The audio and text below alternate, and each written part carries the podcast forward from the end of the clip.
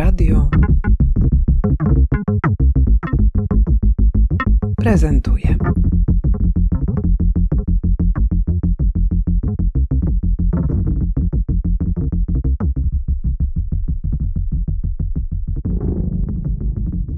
Aneta Szyłak, twórczyni Nomus Nowego Muzeum Sztuki.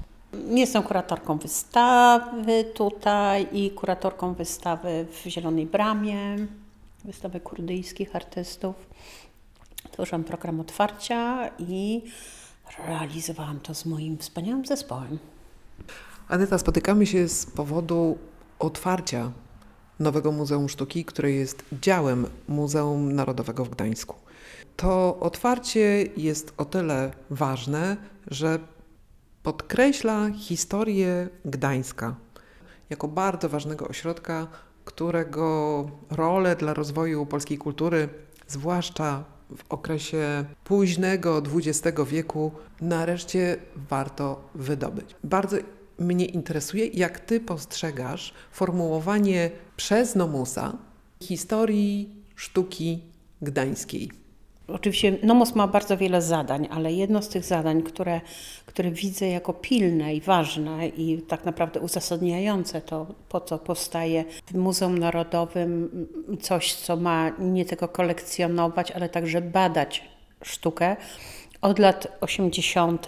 w Gdańsku do czasów współczesnych, a to dlatego, że ta historia sztuki z Gdańska tak naprawdę e, jest dosyć nieobecna, czy w podręcznikach historii sztuki współczesnej, nie uczy się o tym e, w, na historiach sztuki, czy jakoś tylko tak pobocznie w Akademiach Sztuk Pięknych. Y, ja myślę, że to się też wiąże z tym, że uniwersytet y, ma jakby tą historię sztuki zaczął mieć późno. Poza tym tam były specyficzne zainteresowania głównie miastem, architekturą, urbanistyką, podczas gdy nie było młodego pokolenia historyków sztuki, którzy by na bieżąco się tym zajmowali. Oczywiście takimi osobami pierwszymi, które coś próbowały formułować, byli Ryszard Dziarkiewicz, potem mm, Jolanta Ciesielska, e, która stworzyła e, e, termin Nowa Szkoła Gdańska, mm, Zofia Watrak, która napisała książkę od Szkoły Sopockiej do, no, do Nowej Szkoły Gdańskiej.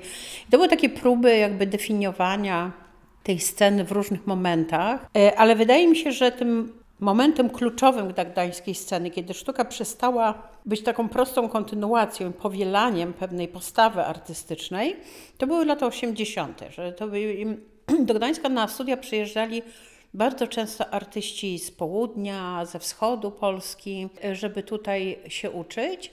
I oni wnosili pewien rodzaj e, jakby innego myślenia, nowego fermentu ale jednocześnie bardzo mocno reagowali na tę rzeczywistość, która e, otaczała, czyli głębokich kryzysów ekonomicznych e, oraz e, przede wszystkim oczywiście atmosfery politycznej lat 80. Myślę, że przyjść na studia w Gdańsku w roku 80 to jest rzeczywiście takie bardzo zmieniające doświadczenie. I dlatego tutaj wyznaczamy taką cezurę, nazwijmy to zwrotu awangardowego w cudzysłowie, właśnie na rok 80. I chociaż będziemy sięgać w przeszłość, bo mamy na przykład pracę z lat 70. Y, pochodzące z innych ośrodków w Polsce, to ta historia sztuki, którą identyfikujemy jako nam współczesną, to, są, to jest właśnie początek lat 80. I co ciekawe, to była sztuka, która powstawała nie tylko w opozycji do pewnego państwowego systemu prezentacji sztuki, czyli BWA, i temu podobnych, ale też w stosunku do e, tej e, tak zwanej kultury niezależnej, która w okolicach kościoła się kształtowała. Czyli jak spojrzymy na Gdańsk, na przykład to, co się działo e, w wypadku ludzi, którzy potem utworzyli Galerię Wyspa, czy to Tartu, no to jest podobnie na przykład jak ze Strychem w Łodzi, czyli to są takie samoorganizujące działania, ponieważ tego dobrego wsparcia instytucjonalnego nie było, a to, które było, się nie nadawało do użytku, że się tak wyrażę. Więc y, dzięki temu powstał no, bardzo specyficzny, unikalny język sztuki, który mocno to środowisko zdefiniował ale nigdy się nie przebił tak naprawdę do mainstreamu w historii sztuki współczesnej. Że nie było tego, tych mocnych instytucji, taką jak ma Łódź czy Warszawa, gdzie zawsze były miejsca czy instytucje, które mogły ten ruch artystyczny, młody wspierać. Tutaj tego nie było i nie było historyków sztuki. Jestem. Dyrektorem Galerii Miejskiej. Gościć w tym dopiero co otwartym naszym nowym e, gmachu, nowej siedzibie e, kolekcji sztuki współczesnej e, i postanowiliśmy zacząć od zadania fundamentalnego pytania, po co w ogóle kolekcje sztuki współczesnej, po co takie miejsca. E, Zaprosiliśmy znakomitych gości.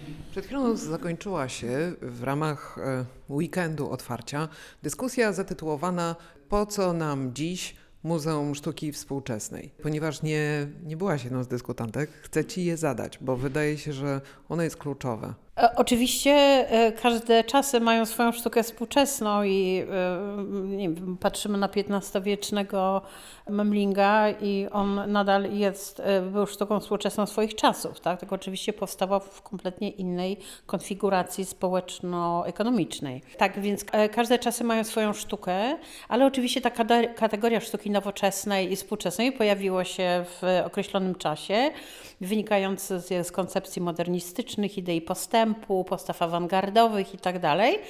Czyli gdzieś tam od tych lat 60. zaczynamy mówić o sztuce współczesnej. Generalnie, jeżeli chodzi o sztukę zachodu, do którego jakoś tam dyskursywnie przynależymy.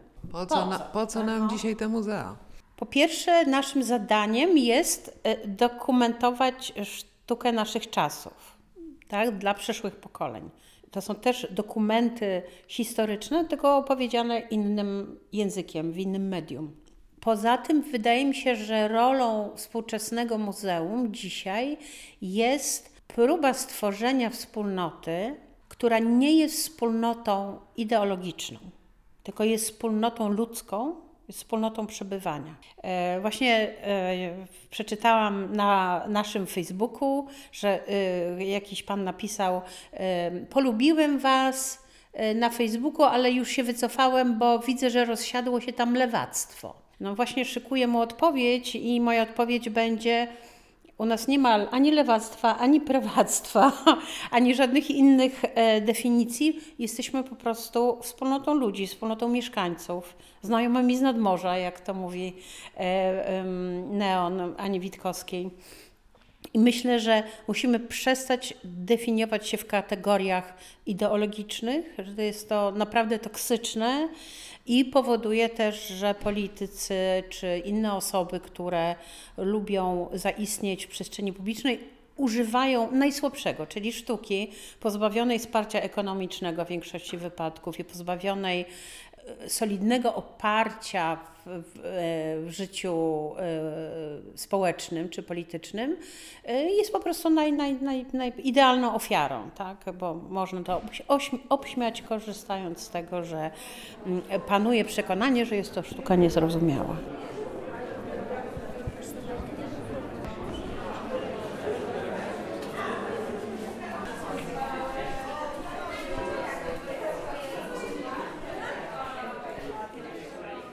Nowej instytucji w budowie nadajemy nazwę Nomus. Nowe Muzeum Sztuki. Fonetycznie bliską greckiemu słowu nomos, oznaczającemu prawo, w tym prawo społeczne i ład wspólnoty, zaś w tradycji egipskiej jednostkę podziału terytorialnego.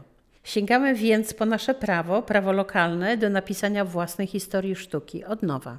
Nie dążymy do tego, by nasze muzeum było podobne do innych i reprodukowało kanoniczny obraz sztuki. Szukamy tego, co specyficzne i wyjątkowe, tego, co było i jest możliwe, co jest pilne i ważne w kontekście naszego miasta i regionu, w kontekście wartości, jakie wyznajemy wolności twórczej, wolności ekspresji, wolności badań naukowych. Jednym z ważnych zadań nowego muzeum jest generowanie wspólnoty, która przekracza ograniczenia o charakterze klasowym, kulturowym i ekonomicznym. Będziemy skupiać się na wskazywaniu tego, co wspólne, a nie rozłączne. Naszym celem jest kształtowanie i wspieranie kulturowych i humanistycznych aspiracji Gdańszczan i Pomorzan. Stanowić platformę dostarczającą współczesnych, wizualnych i performatywnych narzędzi dla rozumienia świata, w którym żyjemy. To po to mamy na muzeum.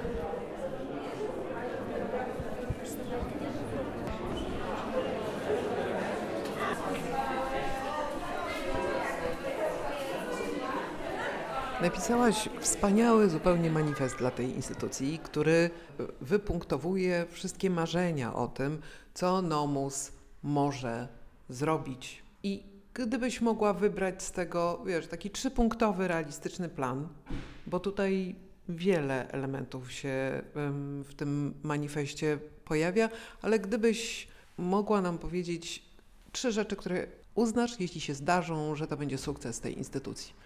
A to trudne, bo jakby ten, ten manifest jest bardzo złożony w swoich intencjach, bo on nie, nie jest to manifest w intencji samej sztuki.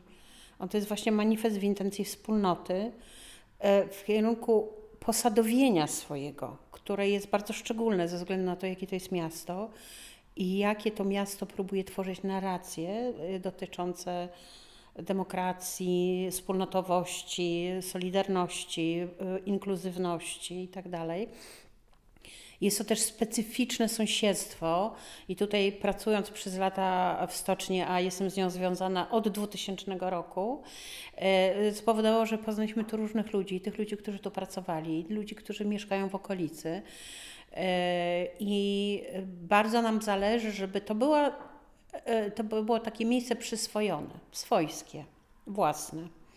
Żebyśmy przestali e, fetyszyzować e, muzea jako miejsce arcydzielności. Ja myślę, że to jest przede wszystkim miejsce rozmowy, namysłu, bliskości i braku selekcji.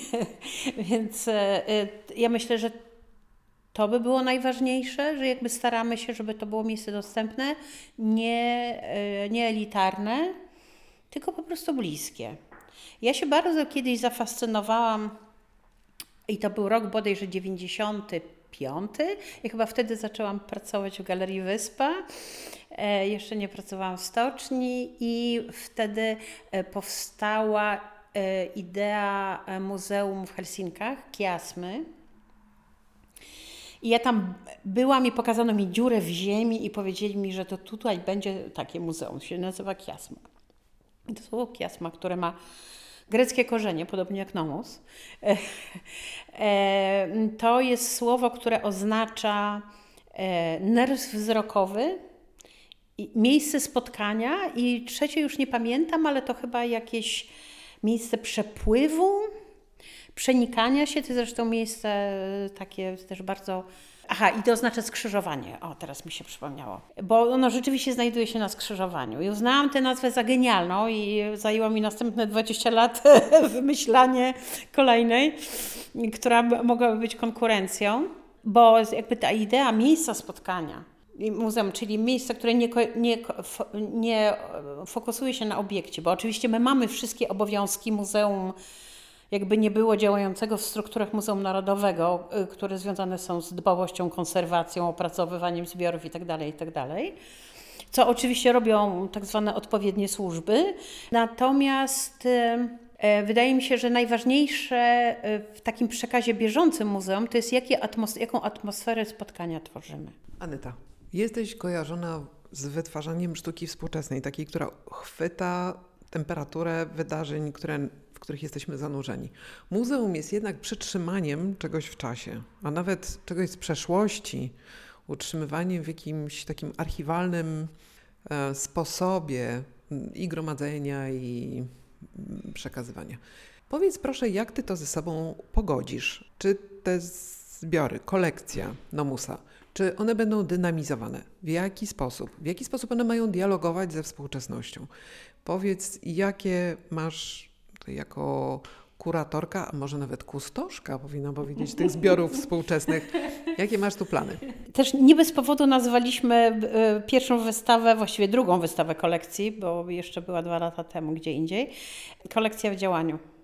W tej wystawie, która nie pokazuje całości naszych zbiorów, skupiamy się na procesach artystycznych, na dokumentacji zdarzeń, na pozostałościach po zdarzeniach i oczywiście można powiedzieć, że w pewnym sensie takie umuzealnione dzieło staje się taką muchą w bursztynie zastygłą, ale mam nadzieję, że właśnie y, tak nie będziemy robić, że będziemy się bardzo mocno zajmować powrotem, przetwarzaniem pewnych form, koncepcji, idei, że chcemy robić dużo spotkań z artystami, Mamy też takie dzieła, które będą się zmieniały e, w miarę upływu czasu, nie tylko ze względu na swoje dezintegrowanie się lub starzenie, ale także ze względu na to, że będą do nich dokładane nowe elementy. I bardzo świadomie kolekcjonujemy takie prace, które e, mają w sobie taki e, potencjał też znikania, bo mówiąc współcześnie o muzeum, musimy brać pod uwagę bardzo różne rzeczy.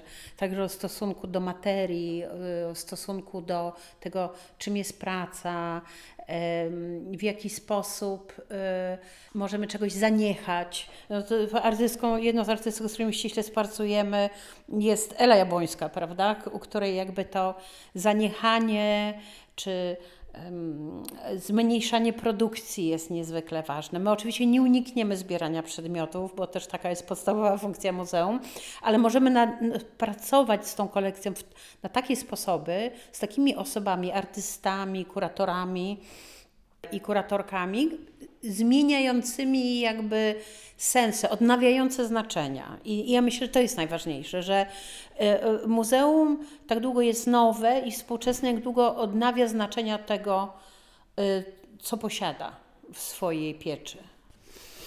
No, pięknie. A teraz idziemy. Tylko powiedz mi, co tu widać właściwie przez to twoje okno? Tu widać tą halę, gdzie się odbywała alternatywa przez 7 lat. To jest hala B90, ulica Elektryków, gdzie znajdują się liczne kluby. A tam? No tam widać... przez- Tam widać dźwigi Kone, fińskie dźwigi z lat 70., które tutaj stanowią taką dominantę krajobrazową gdańską. I to jest coś, co bardzo chcielibyśmy chronić jako gdańszczanie, bo to jest taki unikalny, industrialny krajobraz Gdańska. Dźwigi widać z wielu miejsc, nieraz bardzo z daleka i one są takie bardzo definiujące. Dlatego czym jest panorama Gdańska? która nie jest tylko e, historycznym żurawiem i mm, e, głównym miastem, ale też właśnie tą przestrzenią industrialną. Oczywiście mamy jeszcze nowy port, mamy inne miejsca, gdzie możemy dźwigi znaleźć, ale to one są tak specyficznie ulokowane, że rzeczywiście widoczne nieomal dla każdego. No i widać też tam taki napis Stocznia Gdańska. Tak. Tak, to jest ten słynny napis i on się znajduje na budynku traserni. A co się robi w traserni? Trasuje się. Bo w muzeum się muzeuje. Fajnie, to idziemy. Trasuje, czyli się wycina. Dobra, chodź, idziemy.